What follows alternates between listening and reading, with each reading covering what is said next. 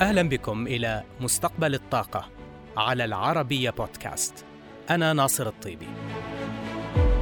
نسعى في هذا البرنامج إلى المساهمة في الحوار الدائر حول عملية التحول في مجال الطاقة عالميا نحو مستقبل خال من الانبعاثات يضمن أمن المناخ وأمن الطاقة. تحتاج السيارة الكهربائية لكمية من النحاس أكبر بخمسة أضعاف مما تحتاجه صناعة السيارة العاملة بمحرك احتراق داخلي. بينما تستخدم توربينات الرياح ذات قدرة 3 ميجا وات نحو 4.7 طن من المعادن. هذه الاستخدامات وغيرها من تطبيقات الطاقات المتجددة والتقنيات الخضراء تستدعي تأمين إمدادات كافية من المعادن الأساسية لتحقيق انتقال سلس للطاقة وعدم توفرها قد يحدث خللا في مرحلة التحول. حيث أنه ومع قيام الدول بوضع مستهدفاتها للوصول إلى صافي صفر خلال العقود الثلاثة أو الأربعة المقبلة من المتوقع أن يشهد سوق المعادن صدمة في الطلب خاصة على المعادن المحورية في التطبيقات المرتبطة بتحول الطاقة. إذا من المتوقع أن يصل الطلب عليها إلى 42.3 مليون طن بحلول عام 2050 مقارنة ب 7.1 مليون طن في عام 2020 ولتقليل المخاوف المتعلقة بأمن الطاقة ترى وكالة الطاقة الدولية أن على سوق المعادن أن يتضاعف سبع مرات تقريبا بين عامي 2020 إلى 2030 وهو ما يتطلب من شركات التعدين استثمار ما يصل إلى 1.7 تريليون دولار خلال السنوات الخمسة عشر المقبلة بناء على تقرير لشركة الاستشارات وود ماكنزي لتوفير ما يكفي من المواد الخام اللازمة كمدخلات في الصناعات التي تدعم المستهدفات البيئية وتحول الطاقة. ومن أبرز التحديات العديدة التي تواجه قطاع التعدين هو أن استثماراته تحتاج لوقت طويل لدخول مرحلة الإنتاج كما تقف المعايير البيئية والاجتماعية والحوكمة كعقبة أخرى أمام الكثير من شركات التعدين التي لم تعتمدها بشكل واسع بعد.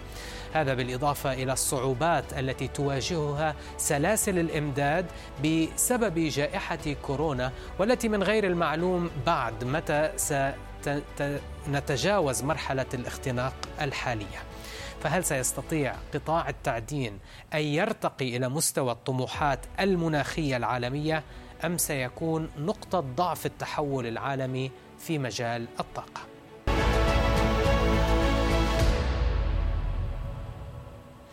صناعة التعدين السعودية تراهن على ملاقاة الطفرة العالمية في مجال الطاقات المتجددة والنظيفة، والفرصة مؤاتية في ظل توافر الكثير من الموارد المعدنية التي تحتاجها المملكة. نائب وزير الصناعة والثروة المعدنية خالد المديفر تحدث للعربية على هامش مؤتمر التعدين الدولي الذي عقد في الرياض، وأكد أن الطاقة المتجددة تستهلك نحو ستة أضعاف المعادن التي تحتاجها الطاقة الهيدروكربونية. لنتابع.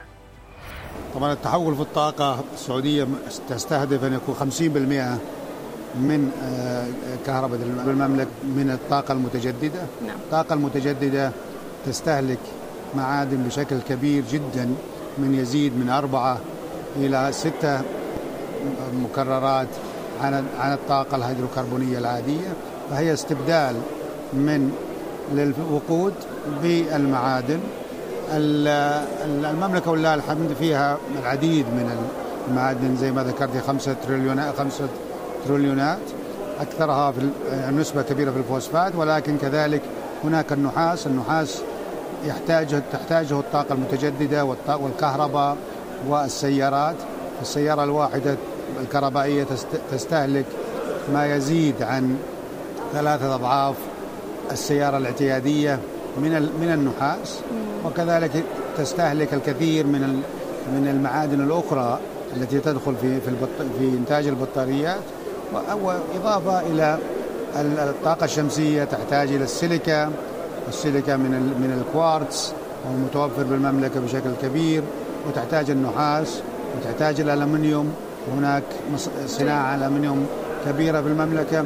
الرياح اللي هي طاقة الرياح تحتاج إلى الحديد ولكن كذلك تحتاج أكثر إلى الزنك والزنك متوفر في المملكة بشكل كبير جدا وإضافة إلى ذلك كله المطورات أو الديناموز نعم. التي تحتاجها السيارات الكهربائية تحتاجها الطواحين الكهرباء الطواحين الهوائية نعم. وتحتاجها الطاقة الشمسية تحتاج إلى معادن آه، أرضية نادرة تتوفر بالمملكة بشكل كبير. فالمملكة تتوفر فيها العديد من الموارد. جدا. اذا اذا مع كل هذه المعادن المتوفرة في آه، السعودية آه، أستاذ خالد ما هي نسبة المعادن المخصصة للطاقة المتجددة مقارنة بالهيدروكربون المستخدم؟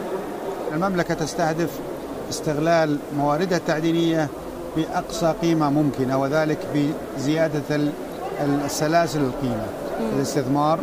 كما استثمرنا في في الألمنيوم أخذنا من المحجر لم نصدر هذه الخامات ولكن وضعنا سلسلة كاملة ب 40 مليار فزدنا قيمة 40 مليار البوكسايد اللي في المملكة زدناه بعشرة أضعاف وأصبح قيمته 400 تقريبا آه، مليار دولار بدلا من 40 مليار دولار. وهذا ما سنعمله إن شاء الله وهذا ما تستهدفه استراتيجية التعديل. اذا آه، الآن هناك تركيز عالمي على خفض الانبعاثات الكربون والانتقال والتحول إلى الطاقة الجديدة ضمن استراتيجية المملكة لخفض الانبعاثات في قطاع التحديد التعدين تحديدا. اليوم يمكن سمعتي معالي ياسر رميان بإعلانه أن معادن آه، أعلنت استهدافها ل النت زيرو ولا ولا المستهدف الصفري نعم. للكربون في 2050 ومعادن هي من أو أكبر شركة تعدين في المملكة واحدى أكبر شركات تعدين في العالم وهذا يوضح توجه المملكة توجه المملكة لدعم السعودية الخضراء إضافة لذلك نظام التعدين يستهدف إلى بيئه إلى أفضل البيئة إلى تحقيق أفضل البيئات ففي شيء ال footprint اللي هو ال environmental print لكل مصنع يجب أن ينخفض باستمرار. وهناك مطالبة انه يكون كل مستثمر يعلن عن آه، خططه للاستدامة والحفاظ على وكم الانبعاثات نعم. كم استغلاله للمياه اللي هو اللي يندرج تحت ال E اللي هي ال G of the ESG جيد جدا. طيب إذا ما تحدثنا عن سلاسل الإمداد حول العالم آه نلحظ الأثر الواضح في ارتفاع الأسعار فكيف انعكس ذلك على قطاع المعادن والتعدين. طبعا آه، بالنسبة لقطاع المعادن ارتفاع الأسعار في, في, الألمنيوم وفي النحاس وفي حتى الذهب وفي الزنك يمكن زاد من اهتمام العالم كله بالمعادن وزاد من اهتمام الجميع بموارد المملكة العربية السعودية من المعادن. فهذه الخمسة تريليونات قد تكون الآن لو حسبناها بأسعار اليوم قد تكون قد تصل إلى ضعف ذلك الرقم لأن لما حسبناها كنا حسبناها على 5000 للطن 5000 دولار للطن للكبر النحاس الآن 10 حول 9500 الزنك كان 1500 الحين 3000 فهناك زادت من قيمة هذه المعادن في المملكة. ومما يجعلنا اهتمامنا أكبر باستخراج هذه المعادن ووضعها في سلاسل قيمة داخل المملكة ل آه، آه، تكون مورد تصنيع في المملكة وزيادة المحتوى المحلي. فأفضل المحتوى المحلي هو محتوى الموارد التعدينية وتحويله إلى معادن تستغل في الصناعة.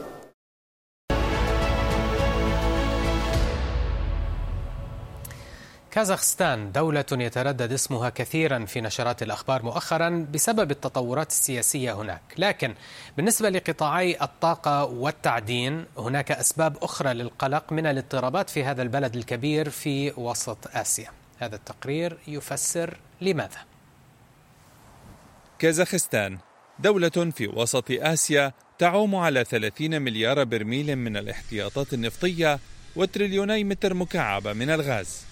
لكن ليس هذا هو السبب الوحيد الذي جعلها لاعبا مهما في قطاع الطاقة العالمي خلال العقود الثلاثة الأخيرة بعد استقلالها عن الاتحاد السوفيتي بل هناك أيضا الثروات المعدنية الهائلة. وأهمها استحواذ البلاد على 40% من الإمدادات العالمية لليورانيوم الذي يستخدم في إنتاج الطاقة النووية فضلا عن أن كازاخستان تعد ثالث أكبر منتج لسبائك الحديد بعد الصين وجنوب إفريقيا بإنتاج يصل إلى مليون وثمانمائة وأربعين ألف طن متري سنوياً. إضافة إلى ذلك تعد كازاخستان عاشر أكبر منتج للنحاس في العالم بإنتاج بلغ 580 ألف طن متري في 2020 وهذا المعدن يكتسب أهمية كبيرة في صناعة السيارات الكهربائية والطاقات النظيفة.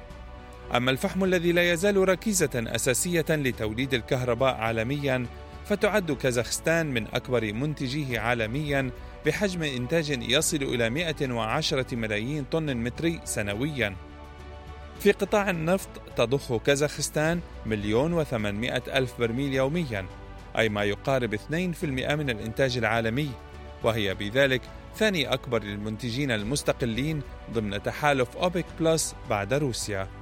كما تنتج البلاد نحو 32 مليار متر مكعب من الغاز سنويا وهي من المصدرين الكبار للغاز إلى الصين. كما تعتبر أراضيها معبرا مهما لأنابيب الغاز من تركمانستان إلى الصين إذ مر عبر هذا الخط 27 مليار متر مكعب في عام 2020 الاضطرابات في البلاد أجبرت شركة شيفرون الأمريكية على تعديل مستويات الإنتاج من حقل تنجز الأضخم في البلاد.